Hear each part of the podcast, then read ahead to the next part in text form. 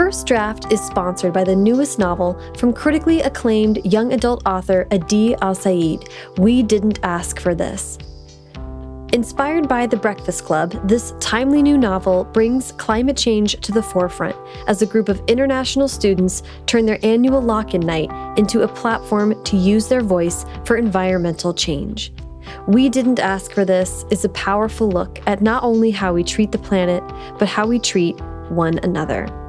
Adi is fantastic. He's been a guest on the show. I encourage you to go check out his episode and to go check out We Didn't Ask for This, which is out now from Inkyard Press and available wherever books and ebooks are sold.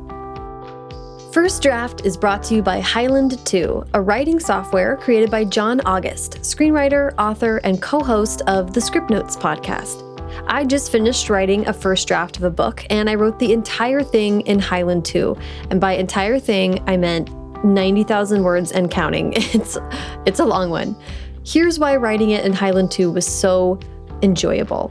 Uh, Highland 2 is simple, but really powerful. The main screen of the software is one endless scroll of plain text, which, when you compile the final document, is automatically formatted into the industry standard for a manuscript. That means that as you're writing, you don't have to worry about page breaks or even indenting paragraphs. And a few quick and easy keyboard shortcuts in Highland let you leave notes in line that won't appear in the final document. You can mark new chapters and more, all without breaking flow. So you can leave your copy editor out of it and just get to writing. There's one navigation sidebar that has multiple functions. Within that sidebar, you can drag bits of text that you might want to come back to later, or monitor stats like word count and page count.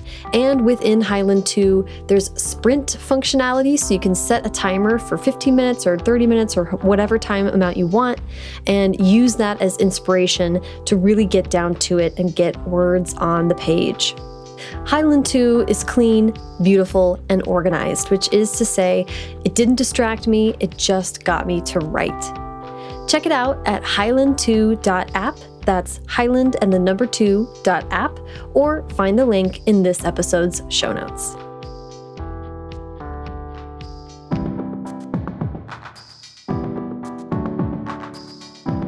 Welcome to First Draft with me, Sarah Enni. This week, I'm talking to Rufi Thorpe, author of The Girls from Corona del Mar and Dear Fang with Love, about her new novel, The Knockout Queen. I loved what she had to say about how making things up did not come naturally to her, how thinking about herself as a regional writer broke open her fiction, and RuPaul's Drag Race and the construction of femininity. Everything Rufi and I talk about on today's episode can be found in the show notes. First Draft participates in affiliate programs. That means that when you shop through the links on firstdraftpod.com, it helps to support the show at no additional cost to you. And First Draft is an affiliate of bookshop.org. That means that it goes to benefit independent bookstores as well. If you'd like to donate to First Draft, either on a one-time or monthly basis, you can go to paypal.me slash firstdraftpod. You may have noticed something new and different in your feed this month. We've officially launched Track Changes, a nine episode podcast spin off series that will get into everything you don't know you don't know about book publishing. The first episode is already out, it gets into Publishing 101. The next episode is dropping later this week on April 30th, and it gets into everyone's favorite topic agents. What are they? What do they do? And how do I get one? In researching for this mini series, I learned way more than I could fit into just nine episodes. So, I've also launched the Track Changes newsletter, a subscription newsletter that every week will bring you further insights into how books get made. Both projects aim to provide transparency so that writers can have the information they need to think about their art as their career. You can sign up for a 30-day free trial of the newsletter and learn more about both Track Changes projects at firstdraftpod.com slash track changes. Okay, now, please sit back, relax, and enjoy my conversation with Rufi Thorpe. Okay. Hi, Rufi. How are you? Good. How are you? I'm good. I'm I'm bummed we can't be talking face to face, but I'm excited to chat with you today. Same here. Yes. Um, we are t- chatting in in uh, mid-April, and the world is not as it was in even mid-March. But but I have read your book, and I'm so excited to talk about it. For my interviews, I really like to go all the way back to the beginning, which is where were you born and raised? Ah. Well, I was born in Dallas, Texas, but we moved to California when I was six. So all the memories of my childhood are all Southern California. But I I wound up moving. So I went to high school back east and then college in New York and then grad school in Virginia. And then moving back to California in between all those things. um, and I, now I'm living in California again. Oh, funny. That's so interesting. Okay, I have I ha- I actually do have some questions about that, but first I want to just ask about um, how reading and writing was a part of growing up for you. Well, um, my mother always wanted to be a published author. That was like her life's dream. And so she was always writing books from as early as I can remember. And she was also a big, big reader. And so we would have reading dinners where we, we would get new books either from the bookstore or the library and then go out to a restaurant and not talk to each other the whole time. Um, oh my gosh. And it was really uh, like, I mean, that sounds, I sound like I'm characterizing it negatively, but it, they were the highlight of my and life. And I was allowed to read anything, you know. Um, mm. It didn't matter if it was trashy or high literary because she reads it all, you know. And so mm-hmm. I got to read it all and just fell in love with books. And then I think I'm just like also, I was an only child. So I probably had more solitude and time to become, you know, obsessed with books and then just like kind of socially awkward. So mm. I think a lot of us can relate to that. Okay, I have so many questions about this. What kind of books was your mom writing? Oh, well, you know, my mom has written all sorts of different kinds of books, and she's a really talented writer. She just kind of avoids ever finding an agent or marketing them. So huh. I think she must have at this point written like six or seven novels, and some of them were detective fiction, and some of them were literary fiction, and some of them were like cozies. She has experimented a lot. And I mean, there's just no way to write seven novels and not get good at it, you know? Mm-hmm, mm-hmm. Um, yeah. and so I've tried to like bully her a little bit into trying to find an agent. But it's hard. It's like it's a lot of rejection. And if you feel it keenly then it's it hurts you know? Well yeah. And you know i it's something i try to get into on the show that's like this is such a, a tangent but i'm so fascinated by people who write and find satisfaction just in writing and don't feel this uh, you know, at times like problematic compulsion to have other people read your work. I think there's a lot to admire in someone who feels happy just having a book in their drawer and like they're expressing themselves and they're okay with that. I don't know.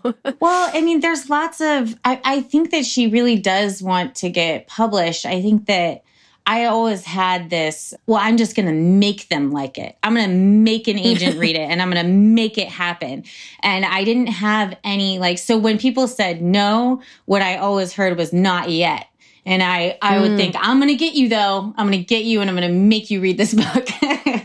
and oh my gosh, um, I, I love that. That made all the rejection a lot easier to take. Whereas I think for my mom, it's like, no, like she experiences the, you know, because a lot of times it, it's really hard to understand before you're in publishing how an agent can say, I just don't think I'm in love with it. Like, I think it's really good. I'm sure you're going to find another agent, but it's just not for me. And you think, well, if it's saleable, how could it not be for you? And then once you're kind of in it and you understand, like, oh no, your agent is someone who you have to work with, they have to fight for your book. They have to have keen, penetrating insight into what your book needs and what kind of writer mm-hmm. you are. And like, it has to be a love match.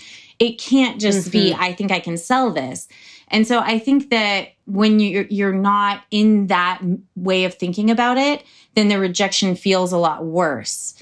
Cause you mm. know, like you, th- you think that you're proposing a date and the other person thinks you're proposing a marriage. And so mm. um, it, when they say no, you can feel like, well, geez, you know, like you think it's good, so why not? Sorry, I realize I'm going on a little bit. Oh no, I'm I love this. This is so so true and so interesting. Um, I'm in the middle of doing this new series that's kind of like talking about the basics of book publishing, so I'm very in this headspace right now. oh yeah, it's such a weird world. It is. It's very and and and it's opaque and kind of hard to even though there's a lot of resources out there they're not like all compiled in one place and people have different opinions it's really oh. and it's very oh. emotional oh yeah and the industry so. is also changing so fast that even you know something written about it 10 years ago is sort of hopelessly out of date especially in terms of like what the ways of marketing and publicizing a book are we're going to move beyond this i swear but i, I want to ask about that thinking not yet impulse that mm-hmm. you have naturally. I I really can relate to that and I'm I'm interested in if you've thought about like where that comes from or what what the genesis for that kind of resilience is. Yeah, you know, I wrote a piece a long time ago when the Girls from Corona Del Mar came out for poets and writers called Perversity of Spirit, uh, which is how I think of it. I think that part of it is that I never hooked the fact that I wanted to write novels to the idea that I was any good at it. Mm. For whatever reason, those things did not, they weren't the same to me. And I think part of it was because I found the generating of fiction itself, like the act of making things up, did not come naturally to me. And mm. I can remember still being 15 and taking my first fiction writing class and not knowing how to make something up. Like, mm. I mean, I could produce gibberish words, but how did you just start making something up? Like, you close your eyes and then what do you do? I wanted to know what to do.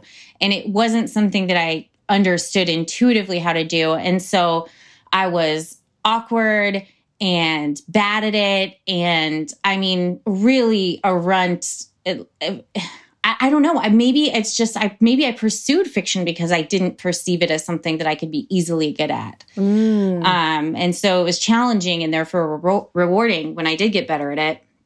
And I loved books so much that it was almost always about how much I loved books and not wanting to be good at something, if that makes sense. I mean, obviously, I wanted to be good and I wanted to be excellent and I was always trying to grow, but it wasn't as tied to my ego as other things maybe. Right. I mean, everybody talks about that Ira Glass quote about closing the gap between your taste level and your skill level. Yeah. And it seems like maybe that was always kind of nat like you always sort of understood that concept naturally. Yes. I think that that concept was very present for me from the beginning. Wow. And it I makes a big difference as soon as you, it, well, and I still remember being, you know, in grad school and hearing that statistic that it's your fourth novel usually that gets published. And I was like, oh, oh. shit, like I better write some novels. and so I wrote two novels that I didn't even try to sell in graduate school. And then it was, I mean, self fulfilling prophecy or not, it, The Girls from Del Mar was my fourth book that I'd written. Oh, that's so interesting. Okay, I want to lead up to that because I have a lot more questions about mm-hmm. your path. But I want to. I, I'm I'm so glad you brought up being 15 and taking this first class because I read that you went to Philip Exeter Academy. So mm-hmm. was that a boarding school? Yes, it was a boarding school. I mean, it okay. still is. It still exists. Um, I just, yeah. for me, it okay, feels like I it's have, in the past. Right. I have I have so many questions about this. That's was that a tradition in your family, or how did that come about? Does the decision to go there? Oh no, this came about as a result of me being like a real weenie. Um, so I just always kind of had trouble in school, and this may explain some of the perversity of spirit. I had a recurring pattern of rebellious antagonistic relationships with my teachers oh mm-hmm. and so uh, while i i'm not terribly approval oriented and as a child like hypocrisy would really bother me and i was used mm. to being an mm. only child with a single mother and like she always sort of talked to me like i was an adult and with a fair amount of respect I think sometimes I sounded really impudent to my teachers because mm. I would mm. address them as though I had a right to my own opinion or, you know, whatever. Mm-hmm. And I just would get into weird fights. And then some of it I think was just happenstance because I look back at it and I'm like, yeah, I really don't know.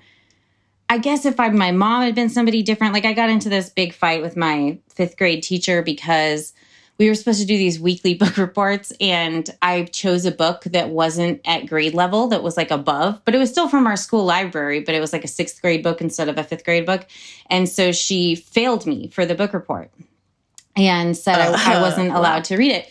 And so then I got really perverse and I refused to read anything at grade level. And I turned in two and three and sometimes four book reports a week and she was forced to like record them. We had these paper foot cutouts that they put on the wall, but I still failed English. Um, so it oh was, I, I, just like, I think that that was then a pattern that I sort of returned to again and again is waging these like small wars against authority figures. It was really probably a waste of my time and theirs. But so anyway, I was very unhappy in school. And so finally, my mom went to the principal and was like, can we skip her? And they were like it's not a good idea she won't be able to drive at the same time as everybody else mm. um, but then i think in the end i think we just enrolled me in seventh grade without me going to sixth grade like i'm not sure anyone signed off on it i think she just filled out the paperwork and no one noticed and so then I was uh. in seventh grade, but I got kind of bullied a lot by these identical twins. and oh so God. I know it was weird. So I wound up dropping out and homeschooling for the rest of that year, which was both good and bad. My mom really tried to find tutors and make it good, but homeschooling's lonely and I didn't like it. Hmm. So at that point, she kind of went to some sort of educational specialist and said, like, what do I do with her? Um, mm. and they were like send her to boarding school so that's what she did and i i was not expecting to get into exeter it's a really mm-hmm. academically rigorous school and i didn't actually self-identify as being really smart because what i was good at was books and english and not math mm. and science really and so i didn't think of that as being really academic interesting so when i got in it was kind of a big surprise and i thought this is such an adventure i can't even imagine what my life would be like if I did this. And so then, of course, I had to do it. oh, that's so interesting. But I read that you did not graduate from there. You just no, went on to college. I did my same thing that I that I always do, and I got mad. I got like they separate tracked everything but English. And I just got depressed when I saw that for I think 11th grade, I'd already read all the books that we were supposed to read. And I said, like, can't I just take senior English or can I do like an independent study with somebody and they just sort of were like, no. Mm. So then I was complaining about it to my friend who was already at Yale. And she's like, why don't you just apply to college? And I was like, and get my GED. And she's like, no, I mean, just like apply and explain to them the situation. And so I did. And then I got accepted to college. So I decided to do that. and so. Uh, I and- love this, and and I mean, first of all, it's just so interesting inherently, but I'm also really interested in it because a lot of your fiction kind of dives into how people move forward from their teenage selves and reckon with choices they make at that time. Yeah. So it it's, seems like there was a lot going on for you then. Yeah, I was a pretty um I was a very passionate and ferocious sort of person with all the attendant foibles and arrogance that like passionate people have, I guess. Mm-hmm, mm-hmm, but mm-hmm. I really did. A, a college was sort of a godsend for me. In some ways, I really regret a lot of these decisions because I moved to New mm. York when I was 16 and I was like dating adult men who had no idea I was 16. And just sort of trying to pretend that I was a grown up and getting into lots of trouble that I probably, you know, wouldn't have gotten into if I'd been a little bit older and a little bit smarter. Mm. But at the same time, I was so happy. I was, so, it was such a good fit for me. Undergrad was a great time. And instead of being upset with me for wanting to do more work or wanting to go deeper or um, you know, take things more seriously. My teachers were delighted by it and gave me all sorts mm. of extra hmm. projects and attention. And it was just a really rewarding time. And so, in a lot of ways, I it, it's impossible to regret because what if I hadn't, you know, wound up exactly at Eugene Lang, and if I had stayed and finished high school, maybe I would have gone to Yale or you know, someplace like fancier and, and, had a miserable time. Mm. So, so, so actually, I'm and I'm so interested in your path to deciding to pursue creative writing. I'm so interested in the fact that it didn't feel natural to you, but that you really wanted to commit to it. How did your creative writing kind of grow over this period of your life? Okay, well, I started out writing poetry and songs because mm. I, you know, played bass and guitar. And then I went to this summer camp um, run by the state of California, California State Summer School of the Arts, which is mm-hmm. a state funded really amazing summer camp where at the at that time anyway we got to spend a month on the CalArts campus like pretending to be college students basically. Wow. And the the curriculum was incredible. We were like working with really exciting writers who took us seriously. And, and there were artists from all different disciplines. So there were filmmakers there were musicians there were painters there was everybody was there. And it was a really electric wonderful feeling and I wound up making a lot of the friendships and relationships that would then drive the next 10 years of my life at this summer camp. It's so mm. silly almost, but like my best friend was my randomly assigned roommate in or suite mate in, in this summer camp. And so then I think in part because she was so committed to poetry and mm. I could then choose fiction and then we weren't in competition with each other. Mm. But I think it was also because the boy she was dating was in my fiction workshop and he was so talented and it just made me furious because I was also in like direct competition for her attention and was kind of a little bit in love with her myself and so I wanted to be good at it too but he was just so helplessly better at like he was just so much better at it than I was and I couldn't figure it out and drove me nuts. And so that was sort of how I started trying to write stories. It had never even occurred to me to try to write them before that. And then I fell so in love with it and wrote fiction, you know, all through high school. In college was basically a time of trying to understand how I would support myself. It didn't seem reasonable to try and actually just become a writer. So I thought, I'll become an academic and then I'll write during my summers. And I think, especially because I loved philosophy and I saw Iris Murdoch as like this model, kind of, even though if I had done that, I wouldn't be anything like Iris Murdoch. But that, to 16 year old Rufi, that plan seemed really good. And it was, it was only as I was looking at, because I kind of took the classes, we, we didn't have, um, like a core curriculum really like like I didn't have to take any math or any science at all. Mm, so, mm-hmm. and we were allowed to basically take anything that we were interested in, and there weren't a bunch of hierarchical sequences really. So, mm. I had taken classes that I could, such that I could triple major if I wanted, but in writing, literature, and philosophy. But then I realized that I did not want to write an 80 page senior thesis in philosophy. and mm, I thought, mm-hmm. you know, if I don't want to write an 80 page paper, uh, probably getting a PhD in this is a bad idea. Um, it's not going to go well. Yeah. Yeah. So then I thought, well, you know, why not just apply to MFA programs? And what if I could be a writer? I had no idea what it looked like to try and become a writer, though. I mean, like, my, I, I thought kind of if you got into a good MFA program, then that was like it. Like, surely then your mm. teachers told you what to do to become a writer. And so I applied to only three programs. Oh my gosh. Because I also didn't understand how any of this worked.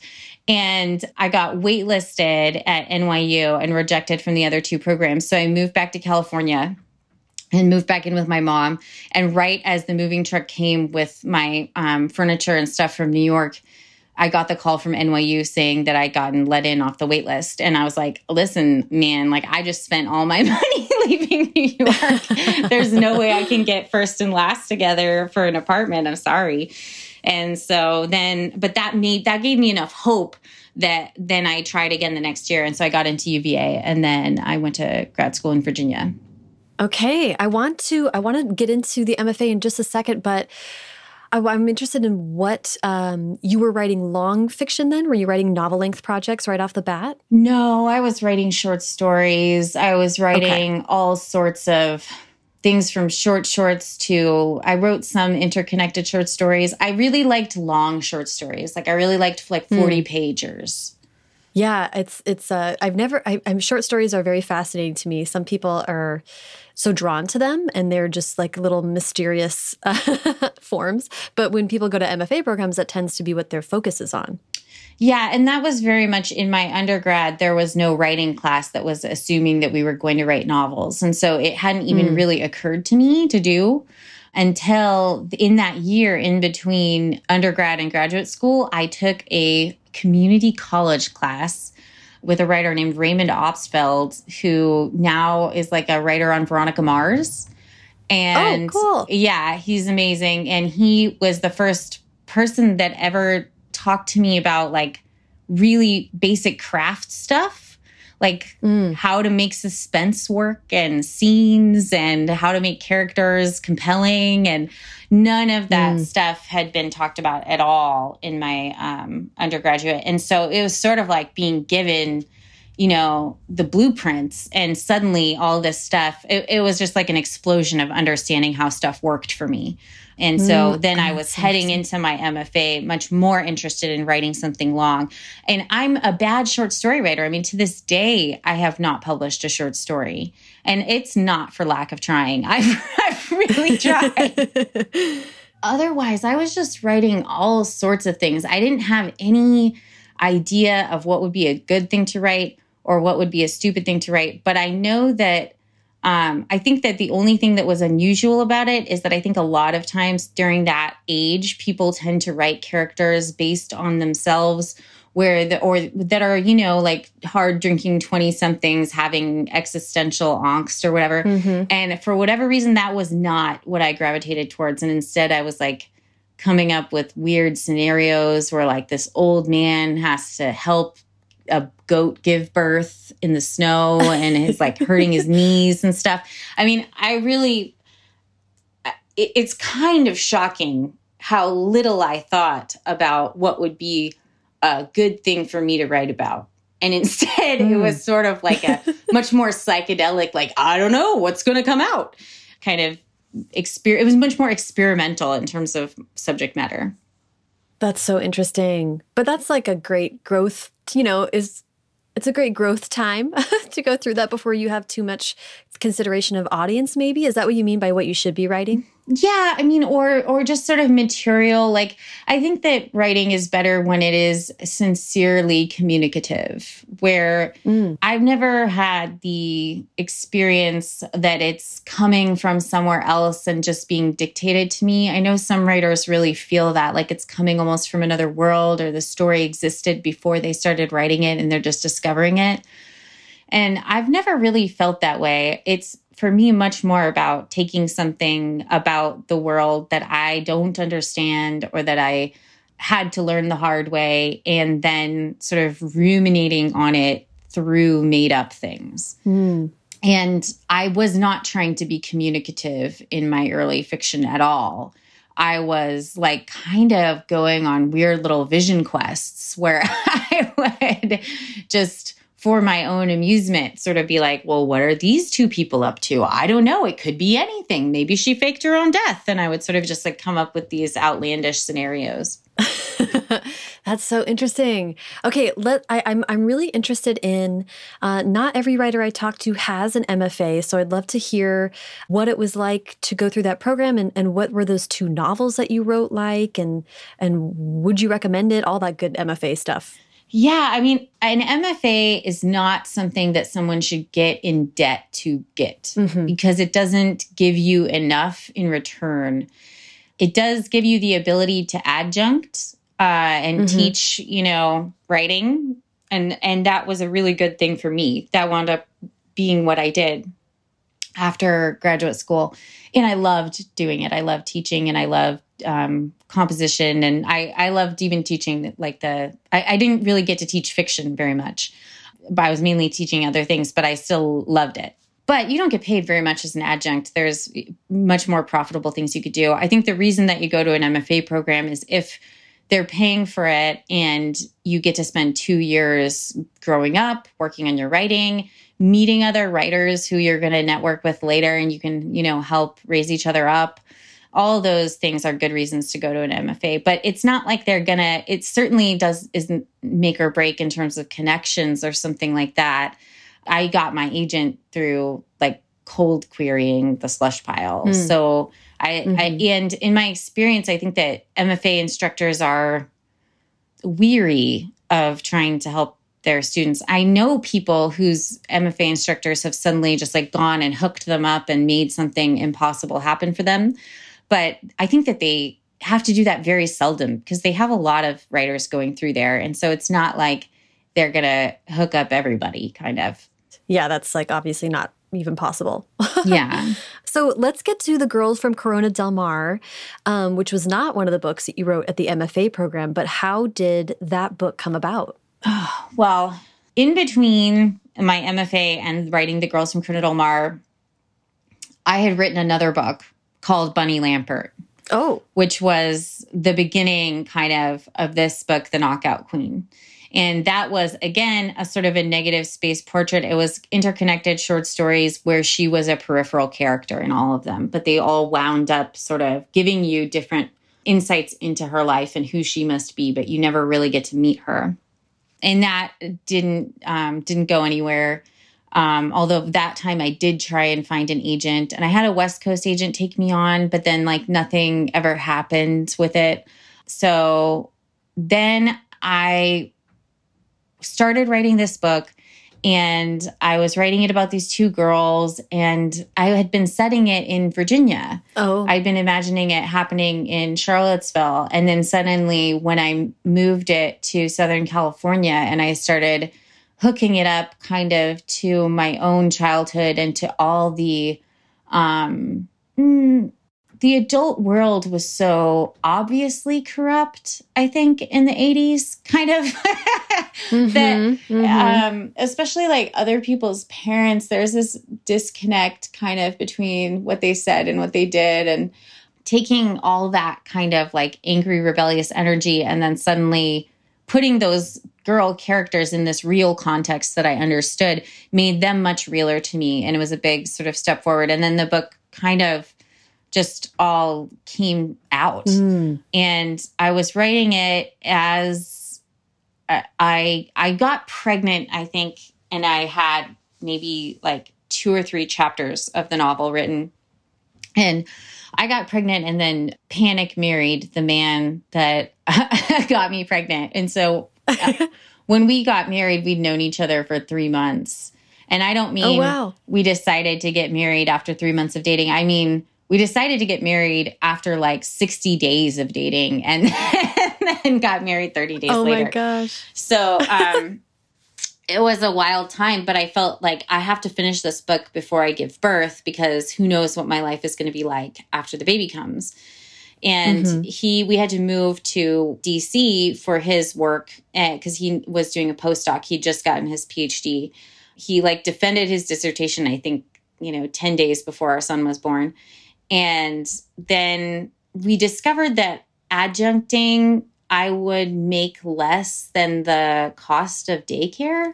Oh. So we decided you're going to stay home for the first year and we'll rip through our meager savings mm-hmm. and you can take care of the baby and try and sell your novel. Mm. And that's a really insane plan. I don't really recommend people put that kind of pressure on themselves.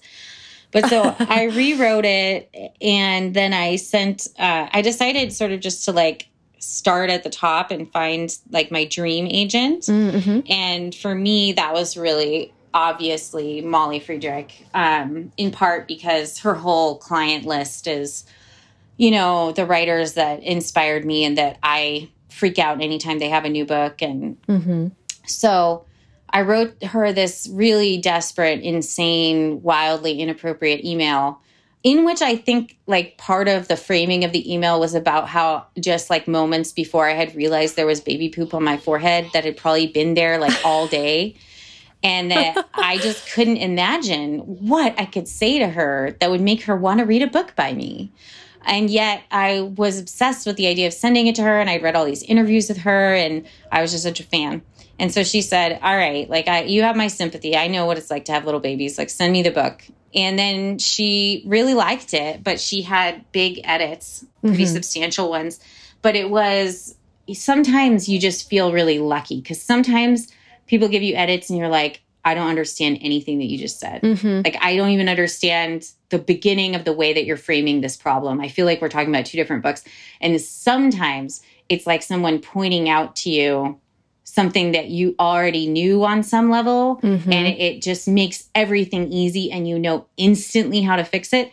So I left that phone call feeling really confident and excited because I knew exactly what she was talking about. And I had and mm. I was mm. excited to do it because I thought it was the right thing for the book.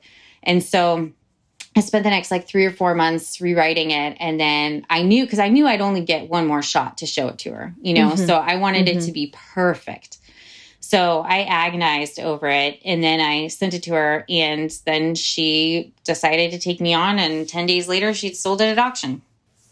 Wow. Oh yeah. my gosh, that's so wild. It was a really really wild time. And and cuz I was just not prepared for any of it and um mm. I we all had a horrible stomach flu during the time of the auction so we were like vomiting and celebrating and like like screaming in our little tiny basement apartment.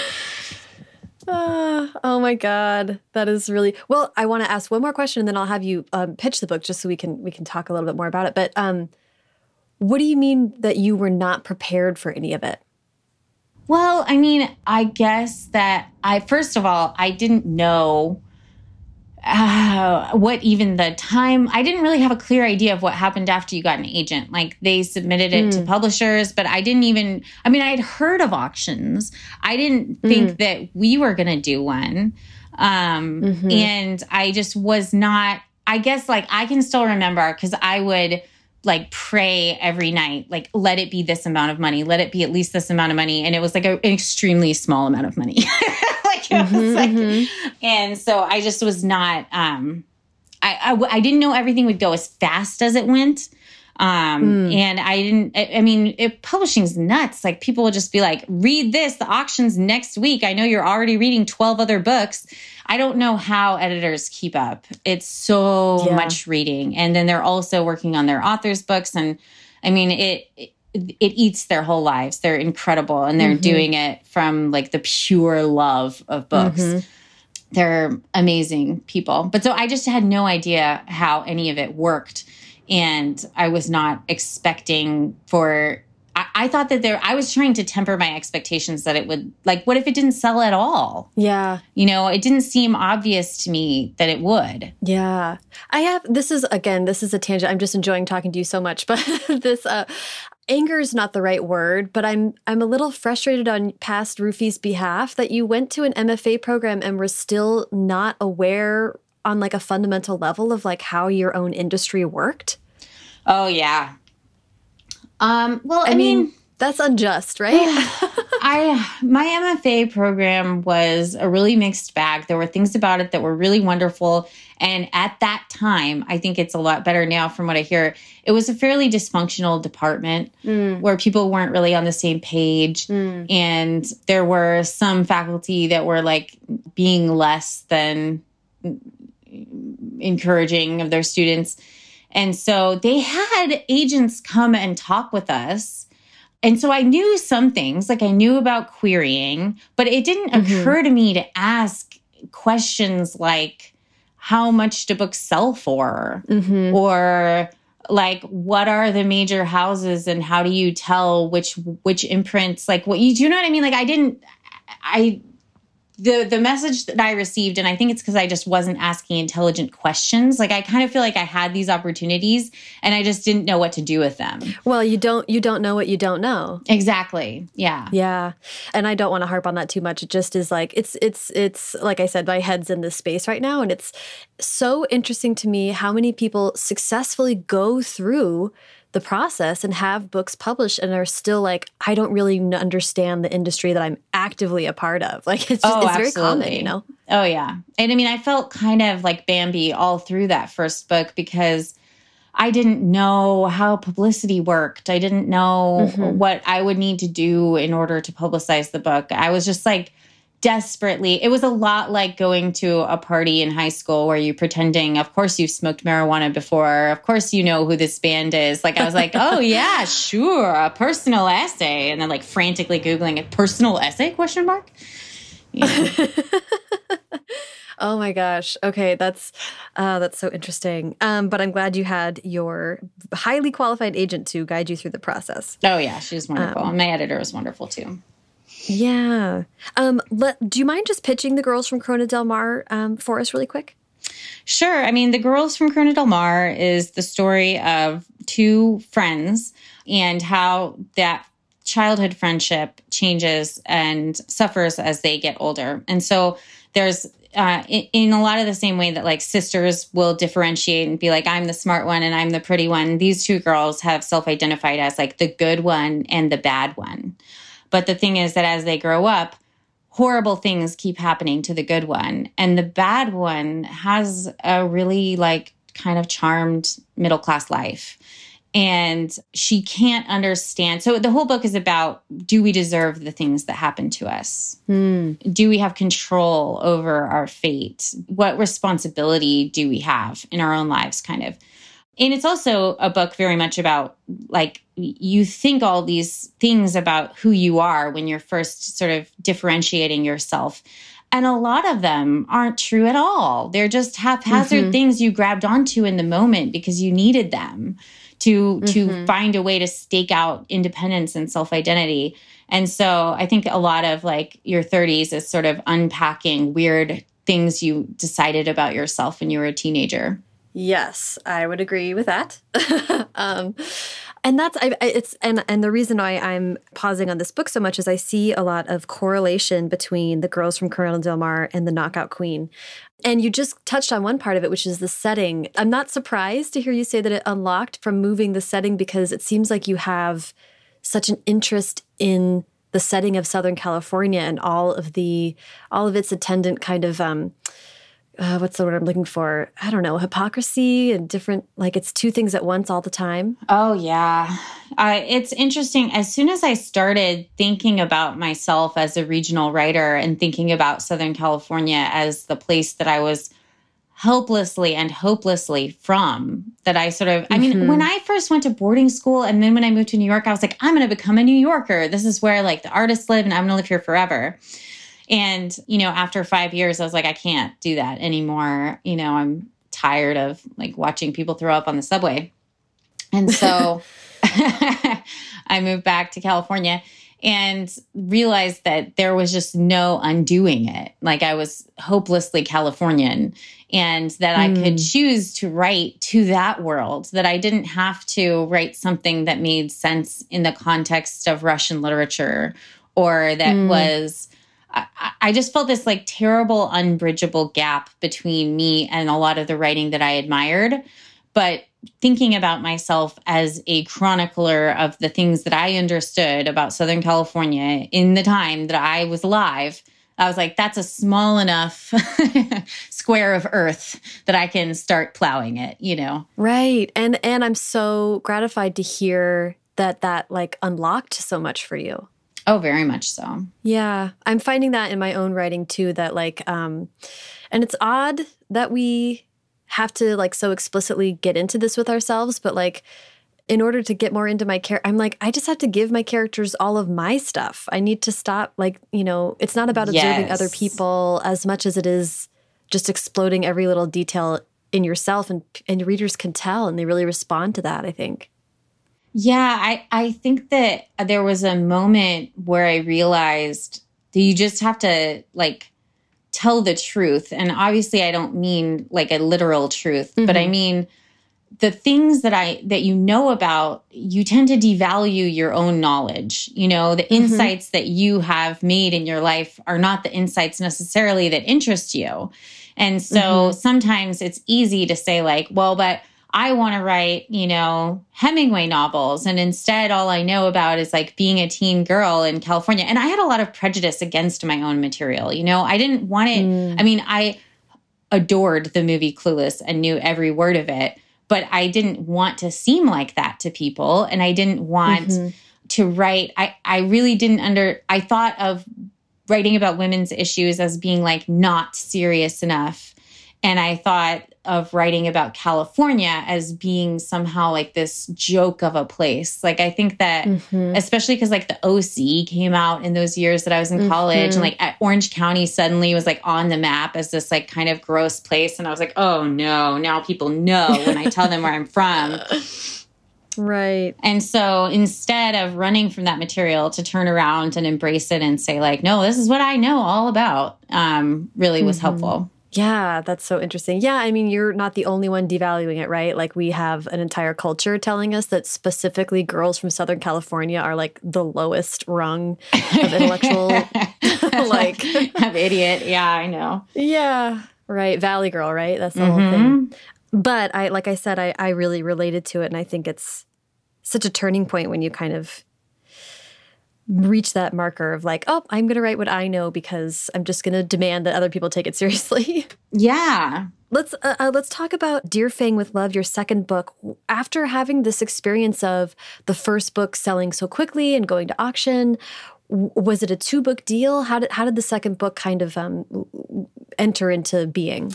So I had I was really afraid of publishing The Girls from Corona Del Mar I had, and I think a lot of people who aren't in publishing don't realize exactly how long those pipelines are. But mm, so I had mm-hmm, a mm-hmm. solid, you know, year to a year and a half, I think, in between them buying the girls from Corona Del Mar and publishing it. Mm-hmm. And so it was really a pretty clean manuscript. And so there were not substantial edits once it was acquired. Mm-hmm. So, I mean, there were edits, but it wasn't like months and months and months of work. Mm-hmm. So there was a lot of time in there. And I decided to try and write like a very rough draft of something before the book came out because I'd heard that people just got really spooked and mm. kind of felt like all of a sudden they didn't know how to write a novel. Now, because this was my fourth, I think I felt less like that. Like I was like, I've done this mm-hmm. before. Mm -hmm. I and I'm willing to write two more bad ones before I get another good one. But I so I wrote a draft of it and it came from like another sort of wanting to share some big insight. And I guess the thing that was bothering me was like I had had um this relationship with someone who was bipolar and an addict and had hit these points where I understood that like I was going to have to give up and that I couldn't save him and it it didn't matter all the good things. It didn't matter how how worthy he was of getting to have a life like he was not going to. Mm. And that I couldn't change that for him and mm. that hmm. I couldn't and I guess that so I was like going to Al Anon a lot during that time and trying to understand like my own codependency. And the thing that struck me the most was like parents trying to deal with addict children is where those boundaries get the most confused, kind of, mm. and where you feel like it really is appropriate for you to give up your life in trying to help this other person, even if it's destructive for you and where do you draw that line? It, it, it, it was always the most emotional shares where people talking about their kids and how they didn't know how to stop helping and yet they're enabling them. And so i wanted to write about that hard place between like loving someone and being on their side and then also having these flashes of like being terrified of and for them. Mm. and I guess I had really gotten both my really close friend at the time and my um, boyfriend were both bipolar one. And he was like the leader of a support group for people with mental illness that was mostly people with bipolar one and schizophrenia. Mm-hmm. And so a lot of our or not a lot, but some of our social life was, you know, having these picnics where I would be the only one without a, you know, diagnosed mm-hmm. severe mental illness. And so it was a big part of my life. And I went through lots of different phases in terms of how I thought about it and what I thought it was. And and so I knew I wanted to write about that. And I knew I wanted to frame it in terms of a parent child relationship. And I also wanted it to be a book about responsibility because I think that that is one of the difficult things about mental illness is that you a feel like out of control so that you feel like you can't trust your own judgment mm-hmm. and b you then don't know and people around you don't know how to hold you responsible for your actions mm. and it's it's a, a similar problem i think with addicts too it's like well i was really drunk when i did that And there's a lot of like two standards for the person. Like, are they, you know, you can't hold what someone does in a psychotic break against them. Mm-hmm. And yet, they still did it. Right. Um, Right.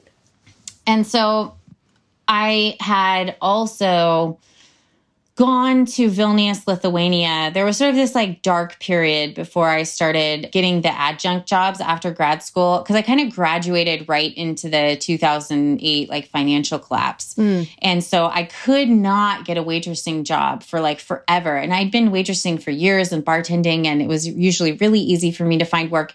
But I had out of state references, no one wanted to call. And so I wound up working at Ruby's. Do you know this restaurant? Mm-hmm. Um, Yes. On the pier. So I'm in this like 1950s get up and wearing these like ridiculous white sneakers and pantyhose every day. And just, I mean, people are just shitheads, you know, like taking your change and putting it in the bottom of water glass. And I mean, it just was, and I was like, this is not what I pictured myself doing at, you know, almost 25 or whatever. And so I would just go home and get drunk and enter literary competitions that I then like pretended I'd never entered, kind of, because it was too depressing. And so then I like accidentally won third place in this one. And what I won was going to this writing program through summer literary seminars in Vilnius, Lithuania. Wow. I had no real knowledge of Lithuania. I think of the Eastern Bloc countries, it was the one that I knew the least about. I didn't even really have any, like, I had no conceptions about it. Mm-hmm. And I'd never even really heard of Vilnius. And so when I went, and then we were connected to a history tour, and we were allowed to go on their history walks through the city. Mm-hmm. And Vilnius just has such a wild, insane history. And I just fell in love with it as a place. And it seemed like such an exciting place to explore all these themes about madness and violence and Mm. trying to synthesize parts of yourself that don't fit together. Mm-hmm. And so I decided to set the book in Vilnius. So it's again, it's a Southern California father and daughter, but then the whole, the bulk of the novel is them on a history tour trying to get to know each other in Lithuania. Yeah. Do you mind just while we're here, just doing the qu- the quick pitch for for Dear Fang? Yeah. So Dear Fang is uh, about Lucas and his teenage daughter Vera, who he had when he was just a teenager and he has not been part of her life. And as they try and reconnect and he tries to figure out what being a dad might look like, she has a psychotic break and is diagnosed with bipolar. And the medication makes her super depressed. And so he decides that he wants to share his family history with her. His grandmother was from Vilnius. And so he takes her on this history tour and they try to find a way to be a family. So, from a craft level, I'm so fascinated. You just laid out all of the incredible, interesting, intellectual reasons why you wanted to explore like these themes and these ideas. Like you said, the kind of the existential questions you wanted to ruminate on. How do you, as a writer, take these like concepts you know you want to engage with and turn them into characters and eventually a plot of some kind? Okay, so this, in a weird way, goes back to what I was constantly trying to ask people when I was first trying to understand how to make things up, because Mhm. I had to kind of invent my own process. So I know exactly what I do. oh, tell and I can tell you about it. Well, so I guess that this is how I would describe it. It's going to sound really dumb. It's going to sound like trying to describe to someone how to fall asleep or something. But basically, I start thinking about a thing that I want to talk about, and then I ruminate on it for many months. Mhm. And sometimes in daily life, something will come up that seems related to me. And so then I write it down too in like a notebook, and I have these collections of things that seem like they're related to me. And so sometimes it will be an anecdote that someone says, or sometimes it'll be like, so at the time that I was writing Dear Fang, I had reconnected with a high school friend who had had like a situation where he had had a kid right out of high school and um, he had not flaked out on his kid. He'd actually been a dad like the whole time. But I had seen how that really changed what his 20s looked like, you know? Mhm. And I was thinking about like maturity and growth and taking responsibility for your actions and and so that seemed related to me and so then that kind of put me onto trying to think about a father and a daughter. And then once you make one decision, then it sort of like narrows your scope. And so then you start asking yourself just more and more questions. And at the same time, you're living your life and more and more anecdotes and scenarios and images occur to you. And so I, for me, it's a slow process of accretion. Mm. And then sometimes it feels like you find the missing puzzle piece that makes two things that you weren't sure how they were connected suddenly are connected because mm-hmm. you find a way to fit them together. So for me, it feels like putting together a jigsaw puzzle where all the puzzle pieces are things that people randomly offhandedly say to you. Hmm. Well, I love that. And are you patient with yourself during this time? Or is it like, are you itching to kind of start writing something? Or are you okay with letting this slowly sink into place? Well, I think I tend to think about a book for like years before I ever start writing it. Mm-hmm. But then once a plot starts to come together where I know what happens and who the characters are, I do have a real tendency to get itchy and impatient. And I tend to be a mm-hmm. fast first drafter. And that's sort of mm-hmm. one of my main faults as a writer. and so a lot of like developing as a writer for me has meant finding ways into tricking myself to go slower, to reconsider, to spend longer before I make a decision about how things are going to go. Because I will just uh, in fear that I can't hold it all in my mind or that it's going to collapse or not work, I'll tend to like make a whole bunch of decisions really fast without considering each one. Wow, that is so interesting. I feel like most of the time I talk to people who are trying to write faster. oh, really? yeah, I mean, I guess that's me, me. That's just I haven't really thought about it, but I I think most of the conversation is people. You know, there's some element of uh, speaking of existential angst, but just people realizing that life is only so long and you can only write so many books. I think people are anxious to write faster, but I'm so interested that you have to kind of be force yourself to have more patience. And just the more I heard about the process of the people I really admired, the more I realized that like the trick was to slow down and and mm. um, fight the part of me that wanted to go faster. Wow, I really actually appreciate you sharing that. That's so interesting. I'm kind of in a phase right now with the book. I've been the book I'm the book I'm writing right now. I've been writing in some way, shape, or form since 2012. So it's just taken this long to be what it is and it's ending up being a long book and i'm just like that's oh, kind no. of what this needs to be it's very interesting i'm going to ask a question that actually bridges us into the knockout queen because it is about the um, writing from the point of view of a male character um, but before we kind of do that, do you mind? Let's just jump right into the Knockout Queen so we can talk about it in more detail. Do you mind giving us the pitch for that book? Sure. So the the Knockout Queen is about two teenagers that are neighbors and sort of unlikely friends. Bunny Lampert, who is by the end of high school six foot three and 200 pounds and an a star at volleyball athlete, and her neighbor Michael, who is a extremely droll straight A student who is working at Rite Aid after school and then meeting men online to have sex within cars. Bunny winds up doing something on impulse that she didn't mean to do that she is nevertheless held responsible for and which changes the course of both of their lives. So it is in large part a meditation on violence and on female violence, but also the unruliness of the body, sort of the way that we want things that we wish we didn't want, do things that we didn't mean to do, and the ambivalence that we feel about the fact that we're animals, kind of. Yes, and I'm so I mean I loved the book. It was really it was fun to read, you know. I mean it's like talking about violence and and uh, female violence, but it was a really fun sharp read. I'm so struck though that all your books are really meditations on women and and how they are in the world and how the world is with them. But these last two books are from the point of view of male characters. Do you have a sense of what what drew you to that? Well, I mean, yes, there and there's a whole bunch of reasons that are really shallow and craft oriented, and then there's reasons that I think are more um, like deep.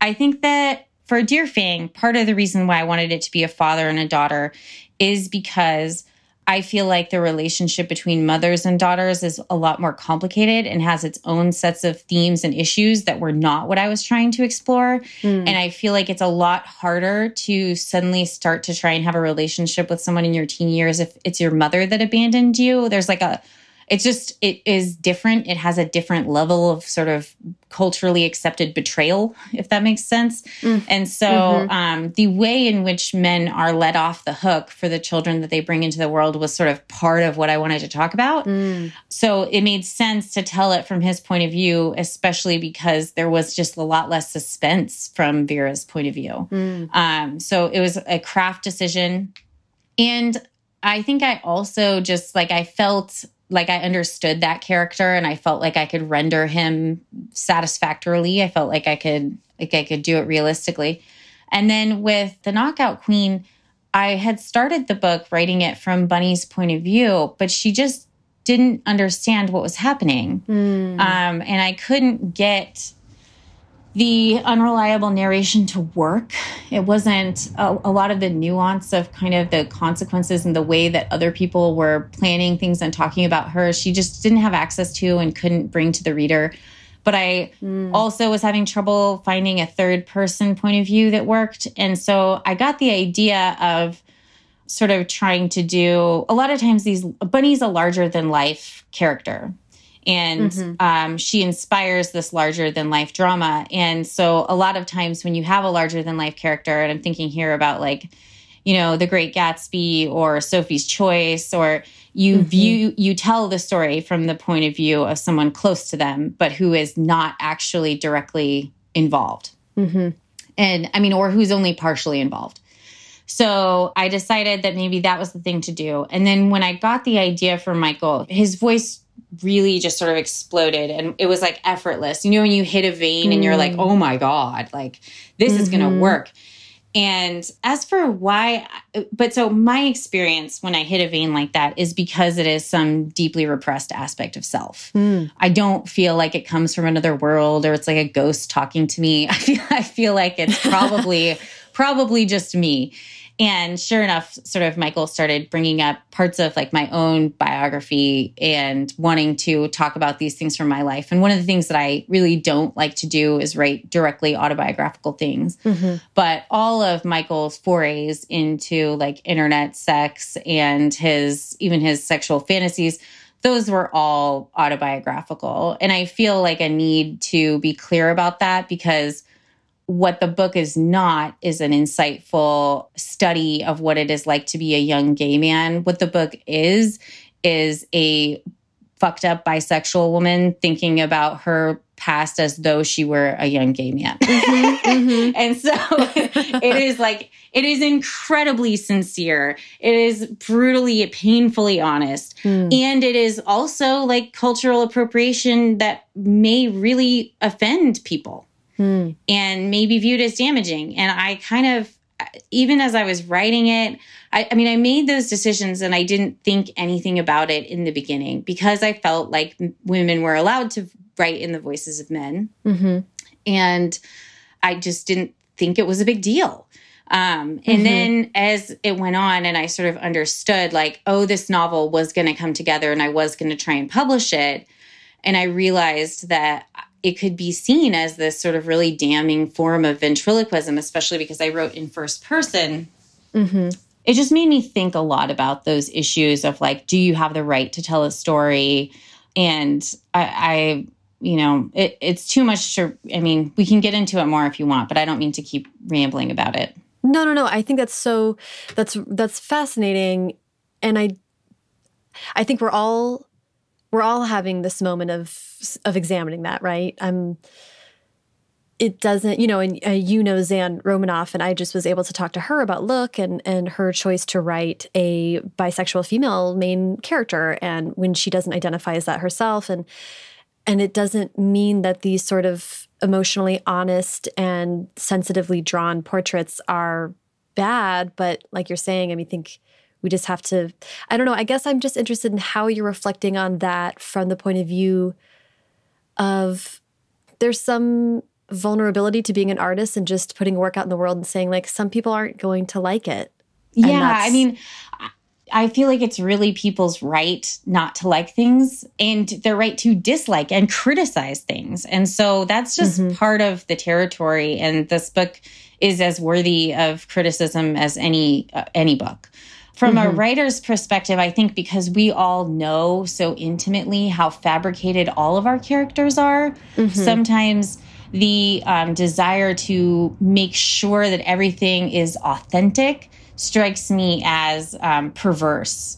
Hmm. Um, because I don't think that that's what fiction is about. Yeah. I think that there's sort of a fundamental misapprehension about what fiction is for and how it works. And I think that there is this idea that fiction writers possess moral clarity or should. Mm. And this idea that because fiction is somehow expanding of empathy and it elevates our moral consciousness because we walk a mile in someone else's shoes and we encounter the other.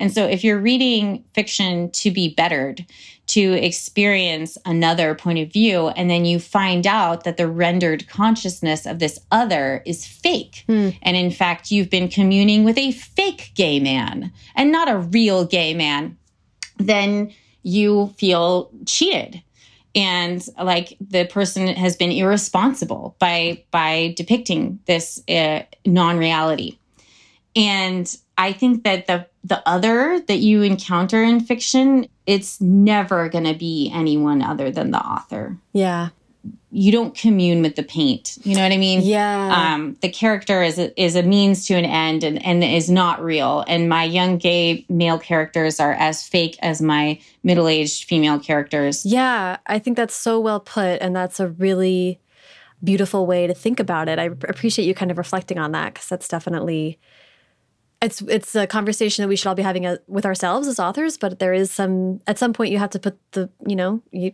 put the book down like it is what it is and it's in the world, you know? I mean, we all know that we should not read Lolita to get an insight into the tween girl experience. Right.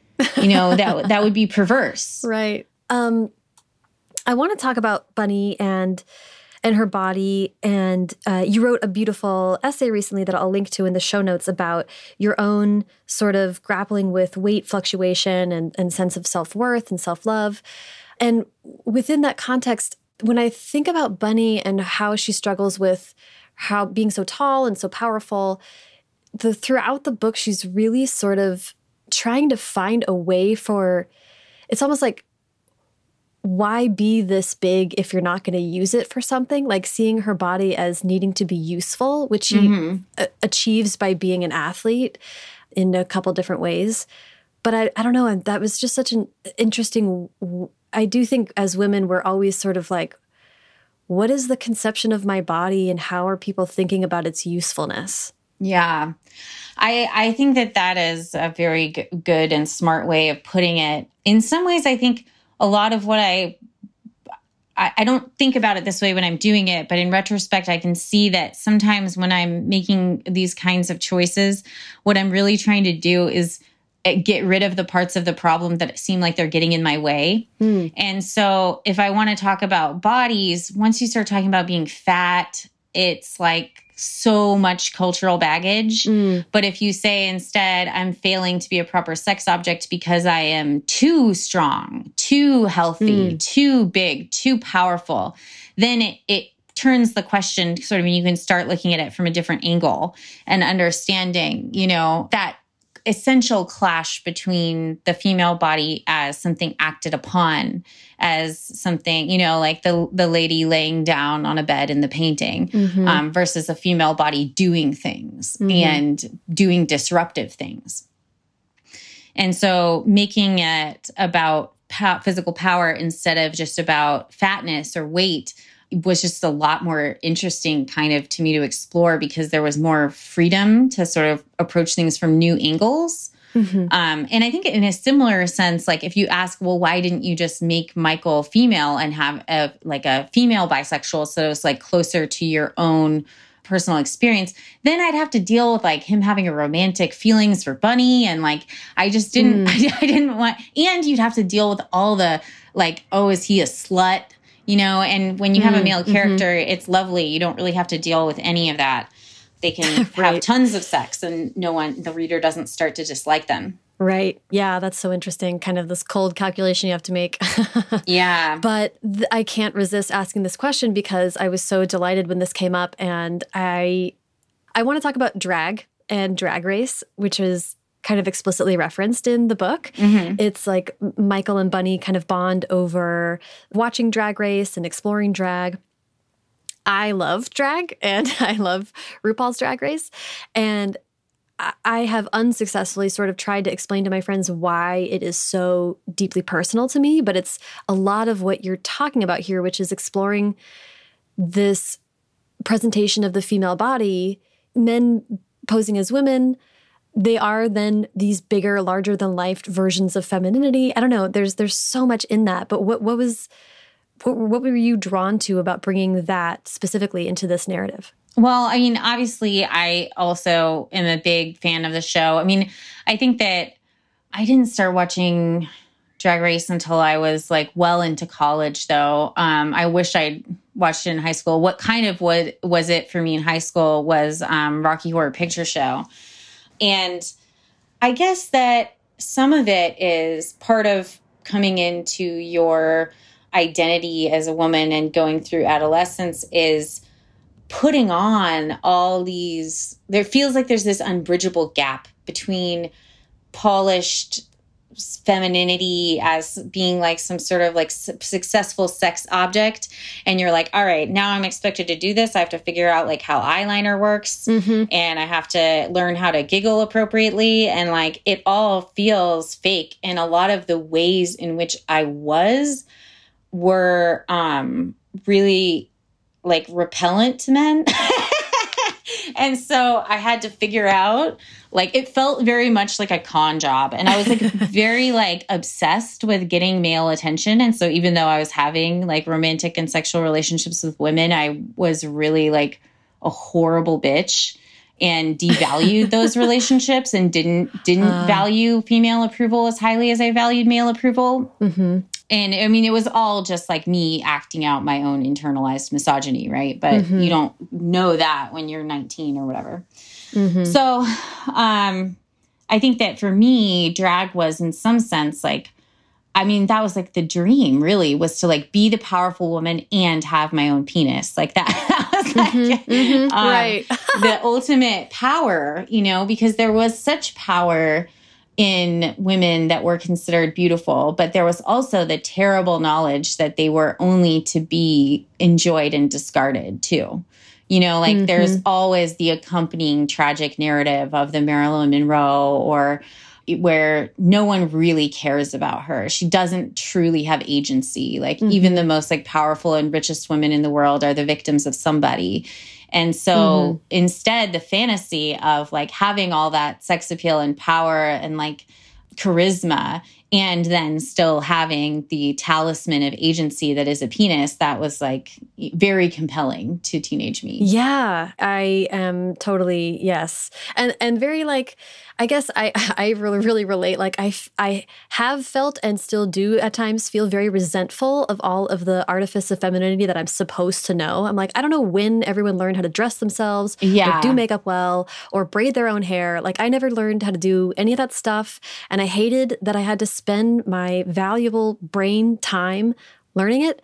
And then watching drag was like, oh, these men who are given all of this power but they they are so emotionally connected to the idea of fem they see value in it like yes they, exactly they see value in it that i wasn't seeing expressed anywhere else and yes. that was what was so powerful about it you're very right about that uh, I, I I love the Knockout Queen so much. I'm so excited for it to be in the world, but I, I want to talk to you about the launch as it is happening now and how the effects of a global pandemic and having to be inside what what does that meant for the release of this book and how are you kind of riding this wave? Well, I mean, on the one hand, I feel really lucky because it's my third book. And so I didn't have an emotional attachment to my tour in the way that I would have if it were a debut. I think about mm-hmm. authors debuting now and not getting to have that moment in front of family and friends where you're like, I did it, I did it. Mm-hmm. You know, mm-hmm. um, so luckily I didn't really have that emotional attachment. And so it was much more of like a, well, yeah, obviously we're going to cancel the tour. Mm-hmm. But then the question is just like, well, what meaningful things do you do to replace it? Mm. And how do you get the word out about a book? And so it's involved a lot of creative thinking about like, well, what do we have? We have the ability to record video. We have the ability to record audio. Everybody's stuck in home. Like, how do we turn this into like something fun that we're and make mm-hmm. experiences that we're proud of? I mean, that was the main thing is that I didn't want to do some awkward, grainy, like Skype reading where people are seeing me like I I don't know. I mean, we still may do some live events and the ones that I've been to have turned out a lot better than I had first been envisioning in my mind. Mm-hmm. But so it's been a little bit more like trying to um raise the production value and instead of having an event where you can like how do you get what is it that's essentially wonderful about seeing a writer in person? Mm-hmm. and you get the sense of their personality and you get the chance to ask questions. And then how do you make that happen but reimagine the medium and the way that it's happening? Mm-hmm. um, and there's so many cool options and people are doing all sorts of things. It's actually kind of exciting. What is exciting to you about it? What are you doing? And and, and i guess do you have any advice for people who might be in in the same situation? Yes, I do. I've thought about it. and my advice is to just like turn it into something that you actually want to make. And so mm. if you feel like yucky about it and like you, you don't know, because I, I, I know a lot of, I mean, I get self conscious. I don't like like posting selfies of myself. I don't mm. really like the sound of my own voice. You know, it's not a natural, and I'm not good at self promotion. I find it very, very uncomfortable. Mm. So it's a kind of a nightmare scenario, really. People are like, make these compelling videos of yourself that sell your book as a product. Um, and you're like, oh God, like it's like uh, a, a yeah. cluster of things you're really bad at all together. And um, so then I think you just have to find a way to have fun with it. So, like my friend mm-hmm. um, Mary Lowry was doing all these Instagram takeovers and was just like put all her the copies of her book over herself naked in her bathtub and then like filmed herself talking about the book naked covered in copies of her book and just like had a blast and did like spells on camera and like blessed made kombucha on someone's Instagram live and just turned it into something like fun that she could enjoy doing. And I think that that's really the secret. Yeah. Because if you're cracking yourself up, there's going to be some weirdo out there laughing with you. that's so true. I uh, well, I like to wrap up with advice. So just any um, writing advice that you have might might have for listeners, I'd love to hear. Um, I mean, other than perversity of spirit and safely understanding that like rejection is part of the whole thing and you shouldn't take it personally and it doesn't and and like I mean I had people tell me that I would never be a writer and that I should definitely mm. like I mean graduate school professors being like this was a big mistake for you to come here. You know like Whoa. this is never ever going to happen for you. And it's wow. not that I was more talented. It's not that I uh, it's just that I didn't stop mm-hmm. because I still wanted to do it if I was bad at it. Mm. And I think that if you can find that place, then you can do anything. And I think that the other major advice I would give people is that it's okay if you wind up writing the same book over and over again. Yes. and, you know, sometimes you don't really get to choose your material. What obsesses us, obsesses us, you know? And, um, all you all you have to do is try and be as uh, you have to take that little plot of land that you've been given that is like yourself and your consciousness and then you just like mine it as deeply as you can Wow, I think that's such great advice. I have talked to writers who do have like angst about feeling like they're writing the same book over and over. But I think it's satisfying as a reader to see an author find different ways to get at the topics that obsess them. totally. I mean, it's so interesting to me too. Like a writer, like say, like Jane Smiley, who is writing almost like in every genre kind of like she's mm. like well why not write a mystery novel why not write like you know and she has such a range in terms of um, sort of style And yet all those books are concerned with like these fundamental human problems of people and the groups. Mm. You know, I mean, in some way you could say that all novels are about that. And she does say that in her book about writing novels. But um, for her particularly, like she's really interested in communities. Yeah. And so every book, while they seem very different from one another, are almost always returning to these like central concerns. Yeah. And it's like you can you can run, but you can't hide.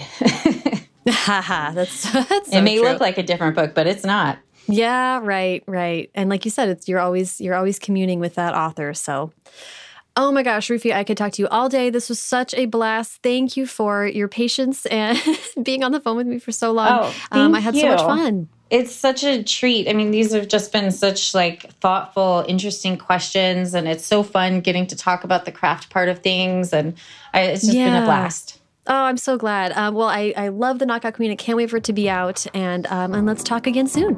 Okay, thank you. All right, thanks, Rufi. Bye. Bye.